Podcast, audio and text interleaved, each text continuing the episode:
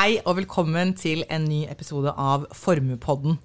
I dag, så, I dag så spår jeg at det blir en litt, eh, en litt omfattende, men jeg tror det blir en veldig eh, fin episode. Og det er For i dag så skal vi diskutere fem av de store spørsmålene for 2023.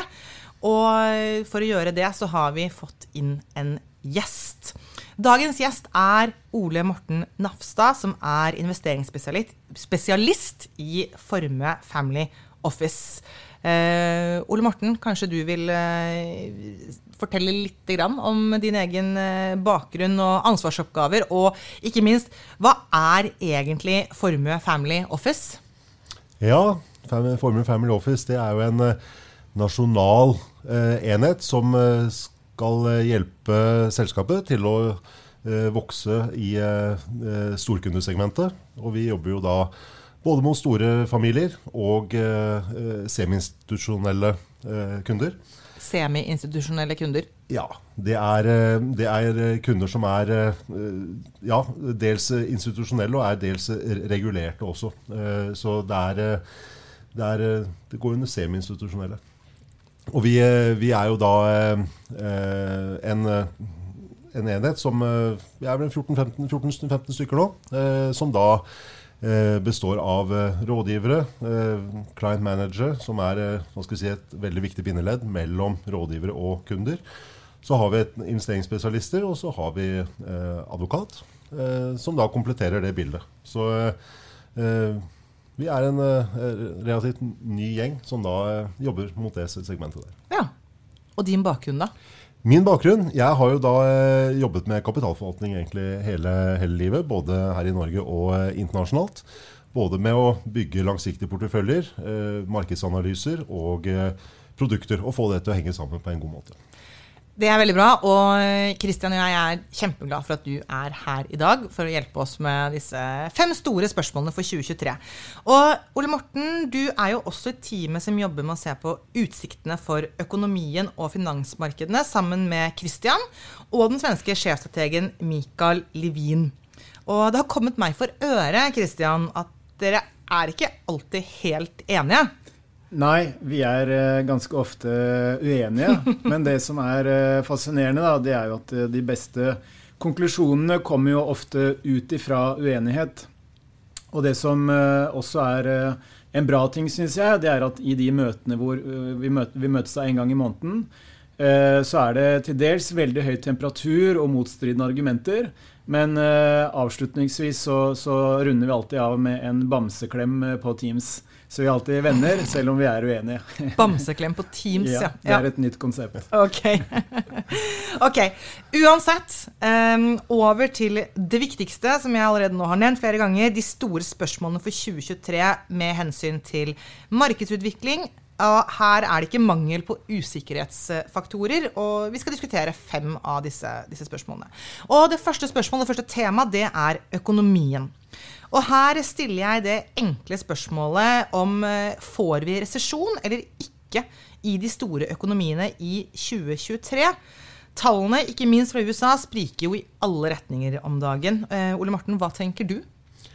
Ja, altså Hadde du spurt meg eh, for noen eh, uker eller et par måneder siden, så hadde jeg vært eh, mer sikker på at det blir resesjon. Nå er jeg brått ikke så sikker lenger. Dette høres litt ut som Christian sin diskusjon gjennom hele 2022, egentlig. Vært, det er oppsummeringen der. Ja. Nei, altså det, er, det, har kommet et lite skifte nå den senere tid, hvor du da ser at eh, den, den vinteren som man fryktet skulle bli veldig hard i Europa, den ble ikke like hard. Etterspørselen etter energi har således ikke da vært så høy. Eh, så ser vi at inflasjonen kommer ned. Vi ser at eh, sentralbankene eh, begynner å være litt mindre aggressive på den rentehevingsbanen de har hatt nå en stund.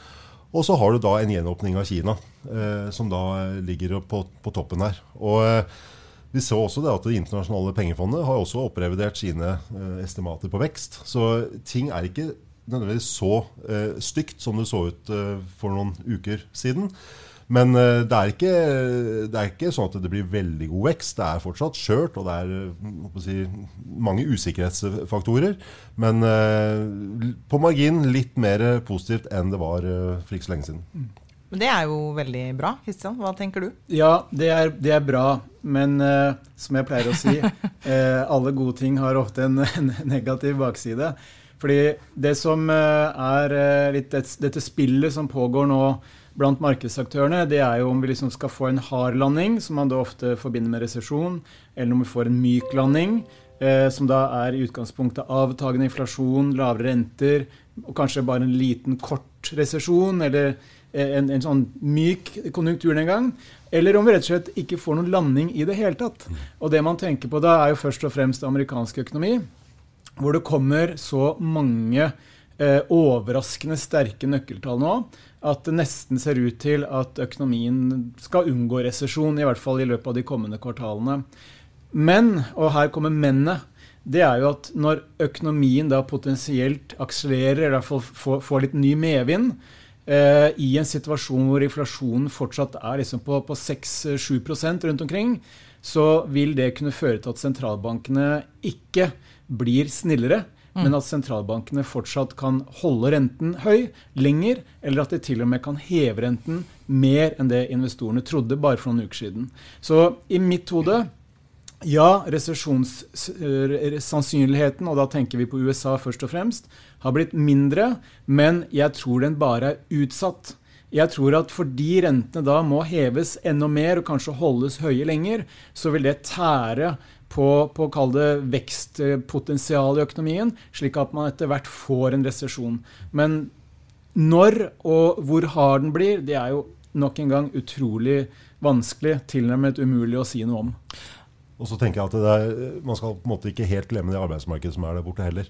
Eh, og det er kanskje det som eh, skaper også litt altså man må se litt mer inn på. fordi at uh, du, du, du, har en dynamikk der eh, som, eh, som, man fikk egentlig litt etter pandemien, hvor mange av selskapene de er litt redde for å si opp folk. fordi at de har den erfaringen fra pandemien hvor de, det var veldig vanskelig å få tak i folk. Eh, så istedenfor å si opp folk nå, så, så, holder de heller på folk og prøver å stå det litt av. Eh, for de vet ikke om de får tak i folk hvis de sier opp, og til hvilken pris. Mm. Så, det er litt avhengig av hvilken sektor man ser på også. Veldig. Fordi de, de, altså Brorparten av oppsigelsene kommer nå i teknologisektoren og i bankfinans. Mm. Og spesielt teknologisektoren har jo vært en sektor som spesielt under pandemien, etter pandemien, ansatte kanskje en, altså flere enn det de trengte. Eh, mens jobbveksten kom jo i hovedsak i underholdning, eh, fritid, eh, hotell, altså reiselivsnæringer osv. Og, og spørsmålet er da liksom hvor lenge kan den sektoren være drivkraft nesten alene da, for jobbveksten i, i USA. Men jeg, jeg er helt enig. Arbeidsmarkedet fremstår som mye sterkere enn det sentralbanken skulle ønske at det var, mm. med tanke på å få lønnsveksten nok ned til å være kompatibelt med inflasjon på 2 ja, Så sentralbankene de ønsker seg høyere arbeidsledighet? Ja, de, de, sier, de, sier, det jo bare indirekte. fordi Den amerikanske sentralbanksjefen har jo sagt at uh, for å få inflasjonen ned til 2% så kan det være at økonomien må gjennom litt pain og ja. smerte. Og det han tenker på da, er jo stigende ledighet. Ja. Og så er det viktig å huske på at eh, ja, det er mange av disse store tech-selskapene og Disney og andre som da sier opp flere tusen folk. Eh, men den viktigste motoren i sysselsettingen er jo i de små og mellomstore bedriftene. Og der er det også en litt annen dynamikk. Eh, man kan på en måte ikke si opp 10, 10 av, av eh, staffet når man er 10-15 eh, stykker. Eh, da, det blir så vanskelig. Absolutt. Mm. Ok, så det var, det var, jo hovedsakelig USA. Men, eh, men, relatert er jo da hva med Europa? Eh, altså Unngår vi resesjon, eller, eh, eller er det liksom avblåst faren for resesjon i Europa litt for tidlig? Ja, altså Ole Morten var litt inne på dette med en varmere vinter. Eh, ja. Lavere energiforbruk, eh, lavere energipriser. Eh, men det er klart at eh, inflasjonen i eurosonen, hvis vi tar eurosonen isolert sett og, og slenger på Storbritannia også, så, så, er jo sentralbankene fortsatt i en innstrammende modus. Eh, og så lenge styringsrentene fortsetter å stige, så vil jo det alt annet legge en demper på hvor bra økonomien kan gå. Og vi ser jo også svakhetstegn i deler av økonomien. F.eks. industriproduksjonen har begynt å, å, å svikte litt i, i, mange europeiske land. Eh, men igjen, juryen er på gangen, og som Ole Morten var inne på, det er flere av disse store aktørene som oppjusterer eh, vekstprognosene sine for eh, eurosonen eh, for 2023 eksempelvis.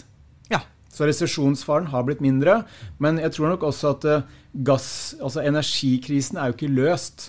Så hvis, så hvis neste vinter blir kald igjen, så kan vi være tilbake i samme gata. Og hvis Russland da, som, som de har varslet om nå, kutter i oljeproduksjon oljeeksporten, eh, så kan det også legge en ytterligere press på energiprisene. Mm. Eh, F.eks. utover i andre halvår i år, dersom økonomiene holder seg. Ja. Ok, eh, og la oss da flytte Jeg vet ikke om du er enig, Ole Morten? Ja, Det, unnskyld. det, er, det er veldig fornuftig sagt, Kristian. Ja. Tusen takk. Ja, men Det er bra. Det er, det er hyggelig. Da flytter vi oss eh, fra USA, Europa og over da til Kina. Hva tenker dere om de høye forventningene til gjenåpning i Kina? Ole Morten? Jeg tenker at eh, det går kanskje ikke så fort som man skulle trodd. Og så er det en del eh, utfordringer eh, der, og, og man er liksom eh, Du kan si tem tematikken snudde fort, og så skjer det litt saktere i eh, praksis. Det er klart, eh, Ski er veldig avhengig av å blidgjøre middelklassen. Eh, det var jo mye av det som gjorde at han snudde såpass fort også nå. Eh, han så at det var stor misnøye. Eh, og for å unngå eh, noe tilsvarende som han opplevde i 89, eh, så han innså han at han måtte gjøre noe. Eh, og, og, og det tror jeg kommer til å være litt sånn gjennomgangsmelodien fremover. Altså han, han gjør nærmest hva som helst for å blidgjøre middelklassen. Eh, og det, det gjelder på en måte å få i gang eh, økonomiske, økonomiske vekstmotoren. Mitigere den usikkerheten som er i eiendomsmarkedet, i og med at middelklassen er veldig eksponert mot eiendomsmarkedet. Eh, og så vil det da være noen potensielle ringvirkninger av dette. Eh, kanskje først og fremst inf inflasjonsbiten.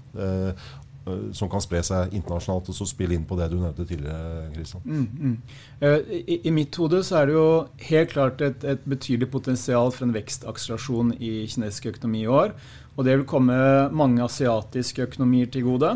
Men det vil også kunne komme f.eks. europeisk økonomi til gode gjennom økt eksport. Men også økt turisme fra Kina og inn i Europa. Men litt sånn på lengre sikt så gjenstår en del strukturelle problemer for kinesisk økonomi. Og vi vet jo, som Ole Morten var inne på, at eh, myndighetene er jo veldig opptatt av å få forbruksandelen av eh, økonomien opp. Eh, ikke nødvendigvis til amerikanske nivåer på, på 70% av BNP, men de ønsker å løfte det fra rundt 40% av BNP. Eh, og Det betyr jo samtidig at man ønsker å unngå nye kall det økonomiske, finansielle ubalanser. og Derfor så er myndighetene forsiktige med å stimulere for mye, slik at man kan få liksom en ny spekulasjonsbølge i eh, finansmarkedene, i eiendomsmarkedet osv. En annen veldig viktig faktor for kinesisk økonomi, det er jo demografi. Ja. Eh, og når man ser at eh, 2022 var det første året hvor det faktisk ble færre kinesere. Og, Ja, for nå har det faktisk begynt å bli færre. ja, ja, og man får en aldring av den kinesiske befolkningen samtidig, som bare vil akselere de neste årene. Og Samtidig så ser man også at produktiviteten i kinesisk økonomi den er avtagende. Den voldsomme liksom, urbaniseringen, altså, man går fra jordbruk til å jobbe i fabrikker, høyere levestandard osv. Den fasen er på mange måter forbi. Og Det blir en strukturell utfordring for kinesisk økonomi de kommende årene. Ikke nødvendigvis i 2023, men på 5-10-15 års sikt. Det er vel ikke bare i Kina det kommer til å bli et uh, problem? Absolutt ikke. Nei, det er kommer til å merke her også. Det kommer vi faktisk litt tilbake til avslutningsvis. Nettopp. ok, Da skal jeg ikke, ikke si noe mer. Da skal, tenker jeg, da bare glir vi eh, glatt over i tema to, som er inflasjon og pengepolitikk. Vi har jo så vidt vært innom inflasjon, men det må selvfølgelig alltid være et eget eh, tema. Og de lærde strides, eh, noe man også ser reflektert i de store svingningene i finansmarkedene. Um, Ole Morten, hva er din take på utsiktene for inflasjon og styringsrenter? Altså, jeg syns dette er et veldig spennende tema. Det er et ganske stort tema. Det er stort tema, men, eh, men jeg tenker at eh, nå har vi eh, vært igjennom en, eh, en, en, en periode hvor man har vært eh, preget av etterdønninger etter eh, pandemien, eh, som var med på å skape én inflasjonsbølge. Så eh, når vi var i ferd med å komme litt ut av den, så eh, kom det en energiprisbølge som følge av dels invasjonen eh, i Ukraina. Eh, som også har vært med på å drive dette. Eh, og så har man eh, fått en liksom, tredje bølge som er drevet av selskapene. Som har eh, det dere på Hamar kaller 'profit driven inflation'. Kristian. Helt riktig. Ja, Hvor det er altså da selskapene som øker marginene sine for også velte kostnadene videre på konsumentene. de fleste har jo vært godt stilt gjennom pandemien med mye, mye oppsparte midler eh, gode støtteordninger fra det offentlige, eh, som da har klart å stå imot den kostnadsveltingen. Nå er man kanskje i en fase da, hvor, eh, hvor dette ikke går så greit lenger. Eh, oppsparte midler er eh, redusert. Støtteordningene fra myndighetene er borte. Eh, og da er det på en måte lønnsveksten da, som da eh, står litt igjen her. Eh, og det tror jeg kanskje man skal være klar over at det blir en kan bli en større bølge eh, noe lenger frem i, eh, i tid. Hvor vi går litt tilbake til det du nevnte tidligere, Kristian, med at uh, man ser litt akselerasjon på økonomisk vekst. Ledigheten er veldig lav. Uh, og det da kan være en kime da, til at uh, inflasjonen kommer litt mer opp, opp igjen. og da er det med den lønns- og prisspiralen som man kanskje er litt mer redd for. Og det kommer inn igjen da på sentralbankpolitikken, som du også var inne på. Altså, risikoen er at sentralbankrentene eh, holder seg høye. Mm. Eh, og, og, og, sånn sett overrasker markedet litt eh, på, på, på, den siden. Ja, og, og, nå har vi jo ikke snakket om hva som har skjedd i finansmarkedene de siste 14 dager, sånn som vi pleier. Men det blir en veldig relatert greie, det her. fordi det vi har sett egentlig de siste 14 dagene, tre ukene i markedene, det er jo på bakgrunn av en rekke sterke økonomiske nøkkeltall, eh, spesielt fra USA, men også til dels fra Europa, så har jo markedene nå priset bort sannsynligheten for at sentralbanken i USA skal kutte renten i år. Men likevel så har egentlig ikke markedene falt noe særlig tilbake. Og det er jo pga. denne ingen landing-hypotesen. Det vil si at økonomien skal fortsette å være sterk. Ok, renten, styringsrenten skal kanskje stige mer og holdes høy, men så lenge økonomien da kanskje til og med akselererer litt, så er finansmarkedene happy med det. Men i mitt hode så blir det som Ole Morten Jeg er helt enig med det Ole Morten sier, til, til, mot normal, kanskje. Ja, mot normal. Men som vi var inne på, eh, tror vi nevnte det i forrige episode også, så er det slik at de vanlige konjunkturoppgangene, altså når et, en, en ny oppgangsperiode i økonomien begynner, og ofte da Eh, en ny oppgangsperiode i aksjemarkedet begynner, så begynner man, begynner man, jo fra en situasjon der ledigheten er høy, og kapasitetsutnyttelsen i økonomien er lav, og prisingen av verdipapirer også veldig lav. I dag har vi jo egentlig litt det motsatte, fordi vi har til dels rekordlav arbeidsledighet. Vi har høy kapasitetsutnyttelse i de fleste store økonomier, og vi har i tillegg verdipapirpriser som ligger midt i leia omtrent, verken fugl eller fisk.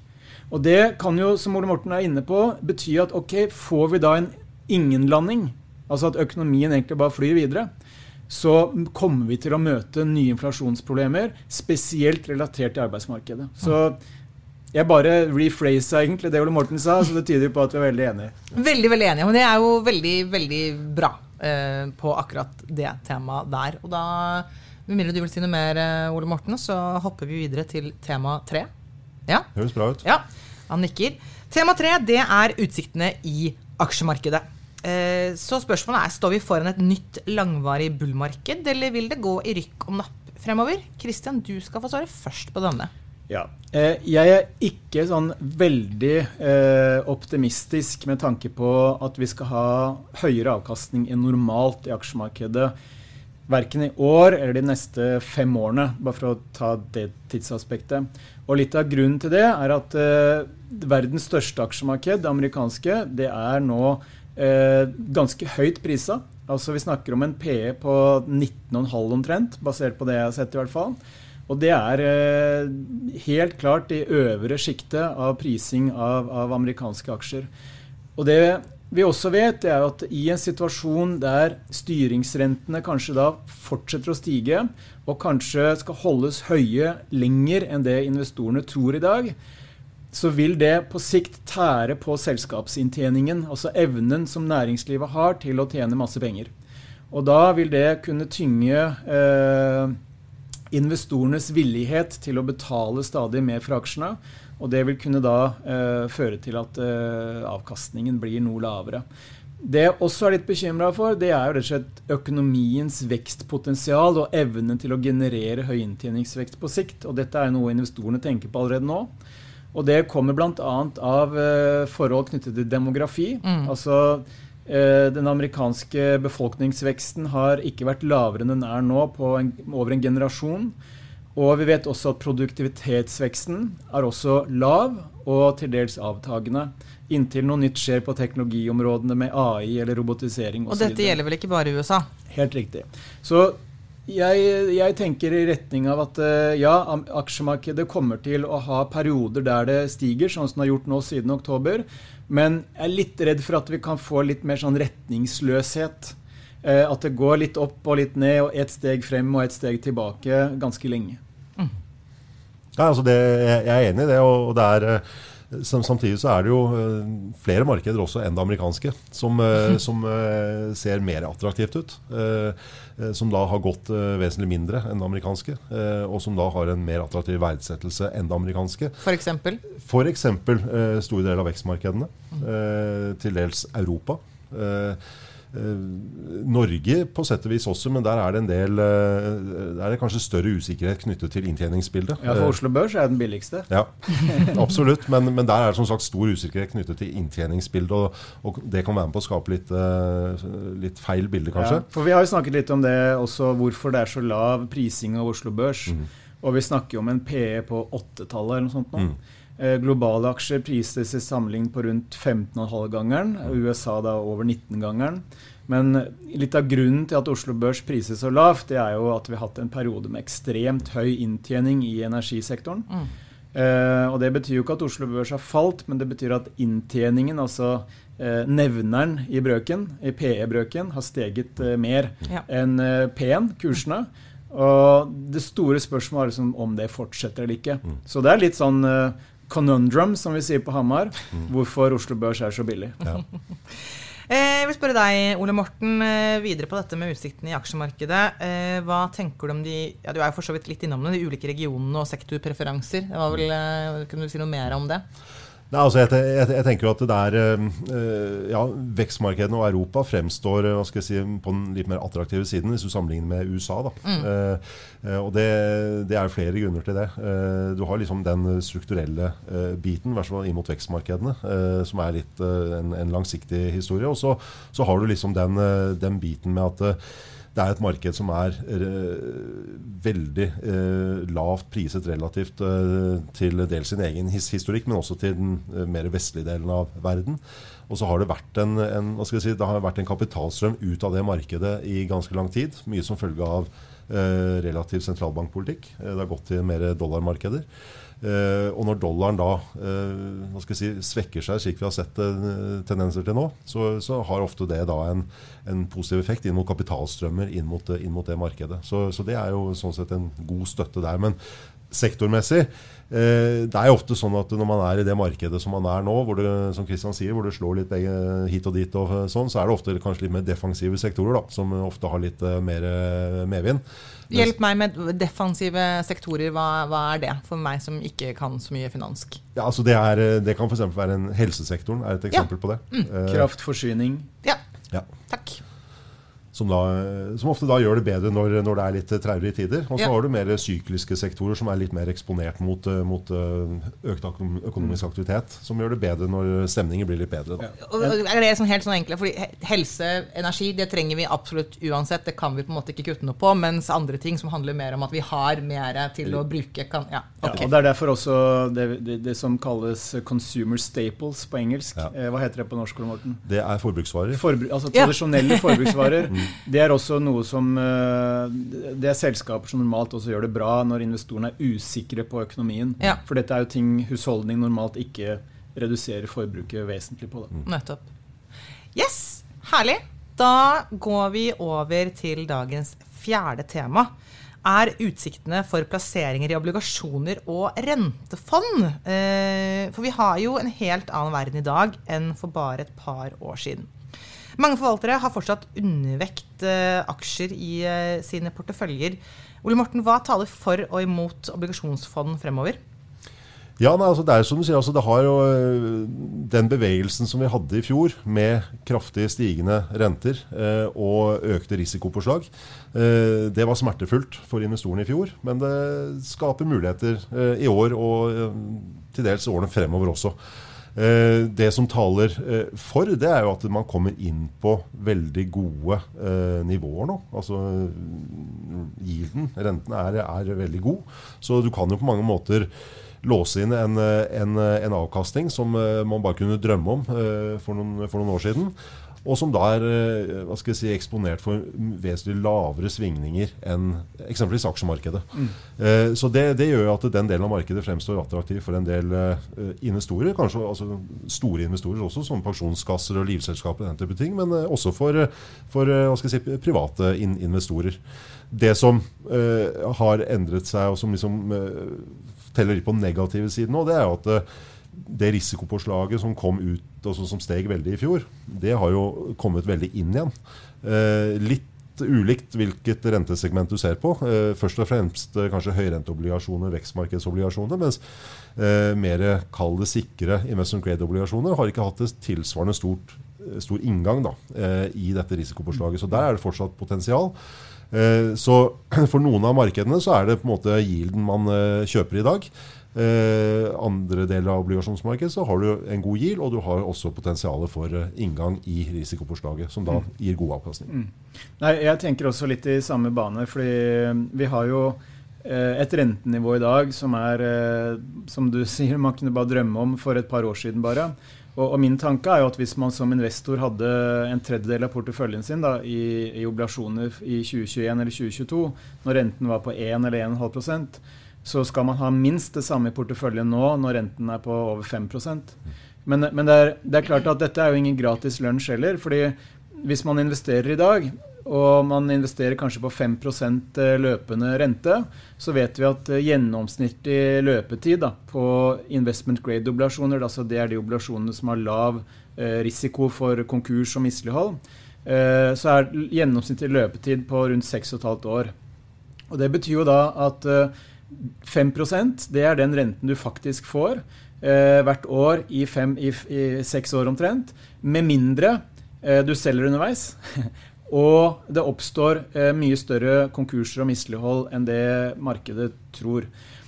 Og Det betyr jo da at eh, man har en, en, historisk god mulighet nå til å kapitalisere på det høyere rentenivået. Ikke bare for 2023, men også på, litt lengre sikt. Grunnen til at jeg sier at det ikke er noe gratis lunsj, det er litt som Ole Morten er inne på. Og det er jo at akkurat som vi sier at aksjemarkedet ikke er billig, så er heller ikke selsk selskapsobligasjoner billig. Mm. Fordi enten man ser på high yield, altså de mest risikable, eller investment grade, de minst risikable, så har investorene veldig høye forventninger til at økonomien skal gå bra, selskapene skal gå bra, ikke ha problemer med å betjene gjelda si, sånne ting.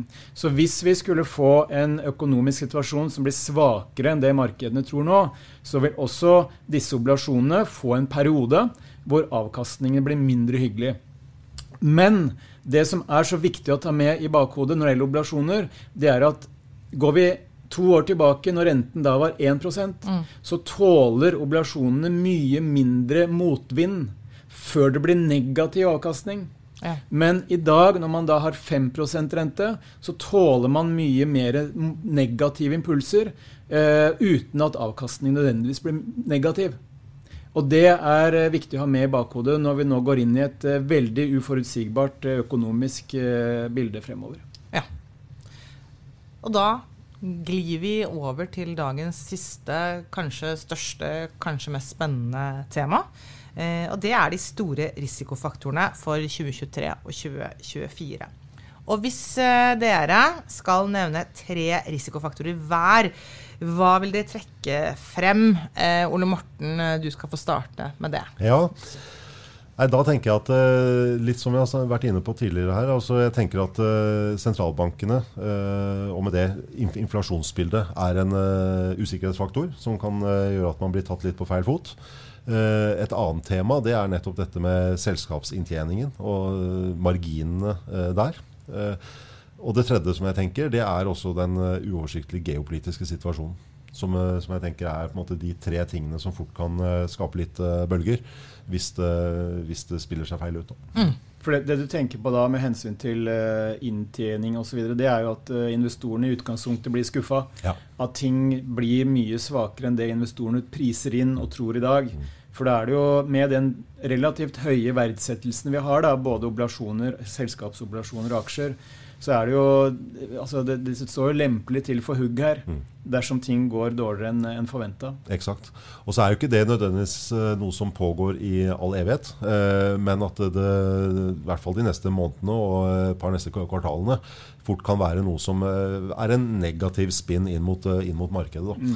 Mm. Eh, og så er det ofte sånn at investorene de ser jo liksom De prøver å prise inn fremtidig utvikling, og da er det jo klart På et eller annet tidspunkt her så velger jo investorene å se gjennom dette også. Eh, så det er jo det som skaper litt eh, vanskeligheter da, med å skulle manøvrere i eh, det landskapet. Mm. Jeg er også enig rundt dette med geopolitikk, selv om det ikke er en av mine mm. som jeg skal komme tilbake til. Men denne krigen i Ukraina Markedene synes å oppfatte at risikoen knyttet til den krigen har blitt lavere. Mm. Men i realiteten så er jo risikoen for en eskalering hvor Nato involveres, den er kanskje aldri vært så stor som nå. Ja, For da blir jeg litt sånn Hvorfor i all verden eh, reagerer markedene sånn som det da? At risikoen der er mindre? Jo, for den, den umiddelbare eh, økonomiske effekten fra krigsutbruddet mm. på energipriser, på råvarepriser, jordbruksråvarer osv., den er på en måte bak oss. Ja, okay, Fordi det... eh, energiprisene har kommet ned, prisene på jordbruksråvarer har kommet ned. Eh, så, så, for investorene så er ikke krigen i Ukraina i øyeblikket en vesentlig risikofaktor. Den, den, er nesten en avtagende risikofaktor. Aha. Men det jeg skal frem til, er jo at uh, dette er en krig som man nesten ikke kan se noe positiv utvei på. Mm. Fordi med mindre Vesten kutter ut støtten til Ukraina, som virker usannsynlig, eller og eller eh, Putin eh, faller om og, og, dør og blir erstattet av en langt mer liberal, demokratisk eh, leder, så er det vanskelig å se for seg at noen av disse partene vil gi seg. Mm. Og det kan føre til en økt risiko for at uh, dette eskalerer med nye negative økonomiske konsekvenser også. Mm. Ja. Helt, helt, helt, enig. og det, det er jo liksom dessverre sånn at man blir vant til en situasjon. ikke sant? Mm. Eh, men jeg tenker også i det geopolitiske, geopolitiske, her så ligger også situasjonen med Kina. Eh, du skulle jo ikke med et par ballonger til, og så var markedet på tå hev igjen. ikke sant? Eh, og da, jo det, det, det viser jo litt den, den uh, usikkerheten som ligger der. Man var kanskje så vidt begynt på en fase hvor man håpte at det skulle normaliseres noe, eller i hvert fall at spenningen skulle avta litt. Hvor, eh, hvor, eh, Kina innsatte en utenriksminister som var tidligere ambassadør i USA. Eh, og på en måte Man så konturer av noe positivt der, men så snur det litt om igjen, og så har det jo egentlig gått andre veien nå i det siste. Mm. Jeg, jeg, synes, jeg, leste en, en, kommentar fra en amerikansk diplomat i forbindelse med det møtet eh, som skulle skje mellom den amerikanske utenriksministeren Eh, og, og, den kinesiske motparten. Og det han sa, det var at uh, dette handler om tone og ikke substans. Og med det så mente han jo at dette handler om å på en måte myke opp dialogen. Men substansen i antagonismen, den økonomiske krigen mellom USA og Kina, den er jo uforandret. Og den fortsetter jo. Og vi vet jo at uh, disse eksportrestriksjonene på halvlederteknologi, der har jo USA nå fått med seg Nederland og Japan. Og det jobbes også med restriksjoner på eksport av bioteknologi, eh, teknologi knyttet til grønn energi, fornybar eh, energi osv. Så, videre. så dette er nok bare noe som vil fortsette å gnage på, på det globale samarbeidsklimaet. Mm. Så tror jeg også at uh, Kina har en interesse av å holde i hvert fall dialogen varm med Vesten. Inntil de på en måte får den innenlandske økonomien mer opp og mer selvdrevet. Da. Så de er jo avhengig av å blidgjøre til dels USA, men kanskje også spesielt Europa. Helt enig. Men Kristian, du har ikke nå på en måte gjort en Du, du må også gi dine Hva er dine tre eh, risikofaktorer? Ja, eh, vi sa jo innledningsvis at dette skulle være risikofaktorer for 2023 og 2024. Mm. Men jeg, jeg, tar meg friheten i å tenke litt eh, lenger. Ok, Så da var det Ole Morten som fikk da 2023 og 2024. Og bare raskt, hva var det de var? Det var Det var jo eh, sentralbank eh, og inflasjon, det ene. Og så var det selskapenes eh, inntjening og marginer nummer to. Og så var det geopolitikk nummer tre. Så det er på kort sikt. Og Christian, jeg hører da at du vil gå lenger frem. Ja, for jeg, jeg tenker at uh, allerede kanskje i 2023 og 2024 så vil vi merke på flere av disse tingene som vi skal inn på nå. Mm. Og den første det handler om rett og slett klimaendringene. Fordi eh, klimaendringene de kommer jo frem til menneskeheten finner en løsning til å akselere. Og det betyr flere perioder med ekstremvær. F.eks. Eh, tørke, eh, flom eh, ja, Ting som rett og slett kan forstyrre produksjonen av energi og forstyrre produksjonen av mat. Eh, skape problemer i de globale forsyningskjedene. Ødelegge infrastruktur. F.eks. Eh, trikkeskinner i en by som rett og slett smelter. Eller togskinner fra Hamar til Oslo. da får ikke vi spilt inn pod hvis de Nei, smelter. Ikke. Men utfordringen her det er jo at uh, hvis vi antar at etterspørselen etter energi og mat mm.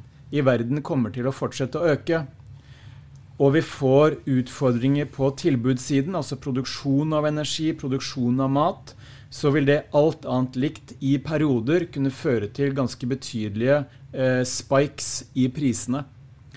Eh, og det vet vi er en av mange drivere som kan utløse et mer strukturelt urolig inflasjonsnivå de neste årene. Så klimaendringene med stadig større økonomiske konsekvenser også for finansmarkedene, det er min risikofaktor nummer én. Risikofaktor nummer to er egentlig relatert til nummer én. Og det er det grønne skiftet, eller overgangen fra fossil til fossilfri energi. Og her er det jo veldig mange ulike problemstillinger. Men for å prøve å skissere dette på en så enkel måte som mulig, så handler jo dette om å fase ut fossil energi og fase inn fossilfri energi. Og det som da er utfordringen her, det er jo at menneskeheten og investorer og næringsliv og politikere allerede har begynt å fase ut fossil energi mm. før vi egentlig har kommet noe som helst sted med fossilfri energi. Og dette er litt inne på ditt uh, tema, kompetanseområde også, Sunniva. Men det er klart at det øker risikoen for at vi i en periode hvor, hvor energietterspørselen i verden faktisk fortsetter å øke, ikke vil ha nok fossil energi. Mm. Fordi hvis man ser på det totale energibruken, eller energiproduksjonen i verden, så står jo vind og sol fortsatt bare for 3 Og da snakker jeg ikke om strømproduksjon, men total energi. Og jeg bare sier det, fordi, hvis, du, hvis, du, ser på, på tallene for hva andelen eh, andelen da fornybart i, i, verden. Ennå så mye det har blitt bygget ut. Hvis du ser på hva det andelen i 1990 og fram til i dag, så har andelen i verden gått ned. Selv om det er bygget ut, så i absolutte tall så har det gått opp. Og det er jo fordi det klarer ikke i nærheten å holde tritt med det forbruket, altså forbruksøkningen som jo går. Det er kull hovedsakelig. Så ja. Ikke sant. Og det jeg også er, er, er opptatt av her, da, det er jo at uh, overgangen til fossilfri energi Og da tenker jeg ikke på kjernekraft, men jeg tenker på vind og sol. De klassiske da, fornybare. Ikke sant? Mm. Så vil det kreve en innsats med tanke på metaller og mineraler mm. som verden per i dag ikke har kapasitet til å produsere eller levere, uten å utvikle mange nye gruver og miner. Og i gjennomsnitt, dette tror jeg vi nevnte sist også, tar det jo 16 år å gå fra planlegging til å ha en produktiv eh, ny eh, mine. Og når det da blir mangel på disse metallene og mineralene, ikke bare til sol og vind, men også til batterier, til hele eh, kraftnettverket, rett og slett, så, så, vil det være veldig høy sannsynlighet for prisene på det grønne skiftet, som det heter, vil bli høyere enn det man skulle ønske. Mm. Og Det er nok en gang en potensiell inflasjonsdriver med store konsekvenser for renter, for prisingen av verdipapirer, uforutsigbarhet i pengepolitikken osv. Så, videre. så et mer volatilt markedsklima som jeg har skrevet om i mine ukeskommentarer, investorene bør forberede seg på allerede nå. Mm. Så nummer én det var klimaendringer. Nummer to er det grønne skiftet. Og nummer tre handler om det fremtidige vekstpotensialet i økonomien. Og Da er det to ting som er viktige for å oppnå god vekst i økonomien. og Det er vekst i arbeidsstyrken, altså at du får stadig tilførsel av mennesker i arbeidsfør alder. Eh, ofte så er det definert som 15 til 64. Jeg syns 15 til 20 er litt eh, tidlig å begynne å jobbe, men i noen land så er det kanskje sånn. Eh, og så er det produktivitetsvekst. Altså økonomiens evne til å skape stadig mer verdiskapning per enhet innsatsfaktor. Ja, så Det ene var altså flere vekst i antall mennesker. Det antallet er vekst eh, per person som kan altså, ja. Ja, altså, det, det, er to faktorer som driver økonomisk vekst over tid. Det er vekst i arbeidsstyrken, og det er mm. produktivitetsvekst. Nettopp. Og Hvis vi ser på den demografiske profilen da, i veldig mange store økonomier, inkludert Kina, inkludert USA, inkludert eh, Norden osv., så, videre, så går vi i retning av at eh, det blir en stadig eh, all, mer aldrende befolkning. Og eh, den nye tilførselen av uh, mennesker i arbeidsfør alder de kommende årene vil bli stadig mindre, fordi kvinner føder stadig færre barn. Ja, eller For, kvinner og menn får ikke mange barn uh, sammen. Takk. En bra, bra korrigering. jeg er litt lei av å ha den, for jeg vet at det er sånn man måler det. altså Det gir mening, det, men det blir sånn Kvinner gidder ikke å føde barn. ja. Men, men, men det, er, det, er, flere Det, det er mange teorier da, for hvorfor dette skjer. Ja. Men, men, det er et, eh, et, trekk som man ser i hele verden, egentlig. Ja. Så veksten i arbeidsstyrken de kommende årene vil sannsynligvis bli lavere. Og det betyr alt annet likt et lavere vekstpotensial i veldig mange økonomier. Det, det andre går jo på dette med produktivitetsvekst. Der har produktivitetsveksten vært avtagende i ganske mange år.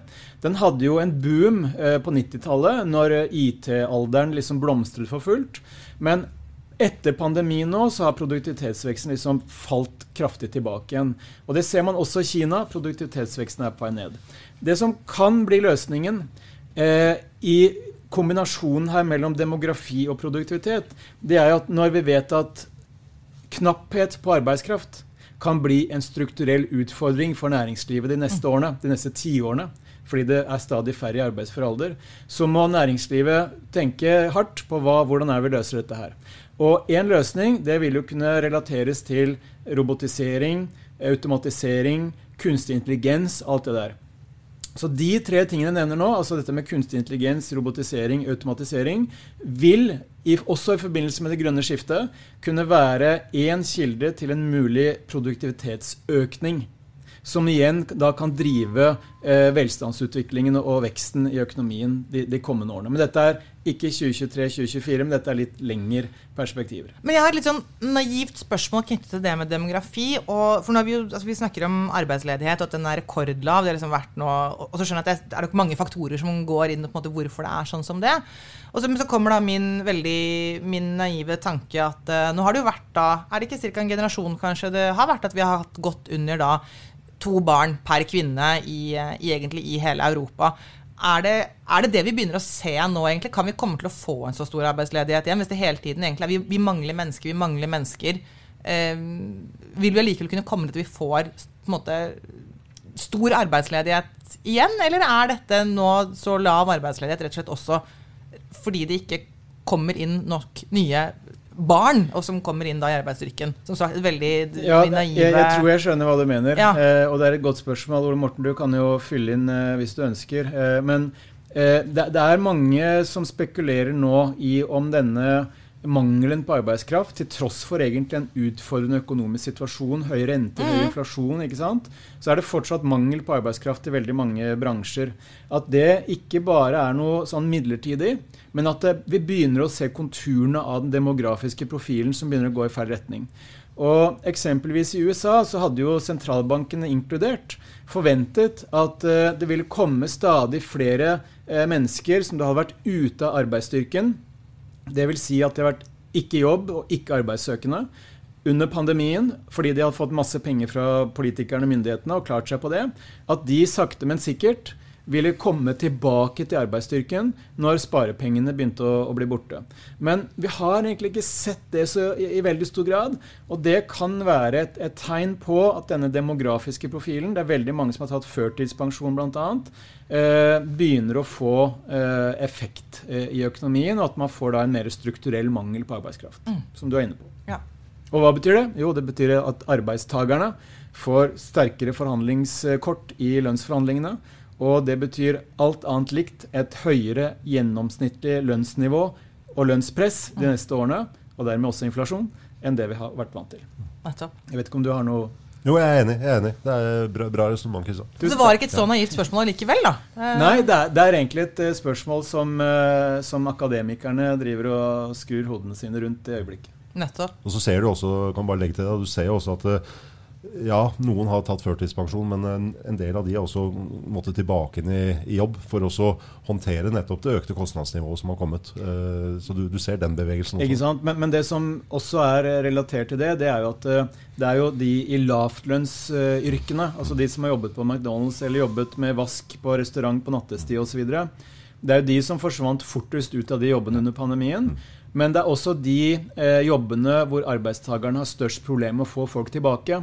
Så det man ser, er jo at lønnsveksten i disse anførselstegn dårlige, ugunstige jobbene, den er jo desidert den høyeste Ja. i USA, hvis man ser på de ulike lønnskategoriene. ja. Spennende og litt skremmende, eh, de eh, risikofaktorene framover, eh, framover der. Exciting times. Exciting times. Eh, med det så tenker jeg vi skal begynne å gå inn for landing. Dette har jo vært en eh, både med, med gjest og fem store temaer. Jeg vil likevel da for, liksom, for å Dere må hjelpe meg å lande her, så hvis eh, dere skal begge to få lov til å komme med en liten sånn deres egne lille oppsummering av denne episoden. Morten, du er gjest, så du får lov til å begynne. Mange takk for det. Nei, altså det, jeg, jeg tenker at eh, det er det man kaller litt sånn lav uh, visibilitet på en del faktorer nå. Det er, uh, det er knyttet da til ren uh, makro, det knytter seg til selskapssiden, og det knytter seg litt til også da sentralbanksiden med renter og inflasjon. Jeg tenker at det, er, det, er, det er nok å si, være litt forsiktig, kanskje, i, en, i en periode. Eh, holde seg hva skal jeg si, til, eh, til den strategien som man har lagt, eh, og ikke la det gli ut på den ene eller andre siden. Eh, og så får man heller bare følge med og så gjøre grep etter hvert som ting utvikler seg. Veldig fint. Kristian, din oppsummering? Jeg vil egentlig oppsummere med å fortelle en liten sånn historie. Den er veldig kort. Eh, og det er jo på spørsmål om vi er på vei mot en resesjon eller ikke. Fordi jeg hørte på en podkast i, i går eh, fra Goldman Sachs. Det er jo en av de store, mest anerkjente investeringsbankene i verden. eh, hvor det var en dame som fortalte om eh, to veldig høyt respekterte økonomer i Goldman Sachs-systemet som har jobbet sammen i 20 år og utviklet eh, modeller sammen og liksom hatt det samme tankegodset. Hvor eh, den ene nå mener det er bare en fjerdedel sannsynlighet for resesjon, mens den andre mener at det er over 80 sannsynlighet for resesjon. resesjon. Og det illustrerer jo veldig godt det, det Ole Morten sier, at nå er det så ekstremt lite eh, visibilitet eh, i, i de økonomiske utsiktene, fordi tallene spriker i alle retninger. Du har rentekurven som aldri har tatt feil, ikke sant? og som da indikerer resesjon. Du har store utfordringer i det amerikanske boligmarkedet. Du har industriutfordringer. Så det, så er det sånn Ja, hvem vet? Så denne krystallkulen som jeg eh, ser for meg at dere har når dere prøver å se inn i fremtiden, den er full av tåke. Den er veldig tåkete i øyeblikket, og det var tilfeldigvis eh, forsidebildet på den siste investeringsrapporten fra Goldman Sachs. Det var okay, det bilde, var bilde det. av tåke. Så vi er ikke alene. Igjen ikke så naivt eh, når jeg føler at jeg sier noe som er litt sånn ute på, ute på viddene. Um, da tror jeg at det gjenstår for Christian og meg å si tusen takk til deg, Ole Morten Nafstad, som er investeringsspesialist i Formue Family Office. Mange takk for det. Og tusen takk til deg som lyttet. Vi, eh, vi, vi høres, eh, prates igjen om to uker.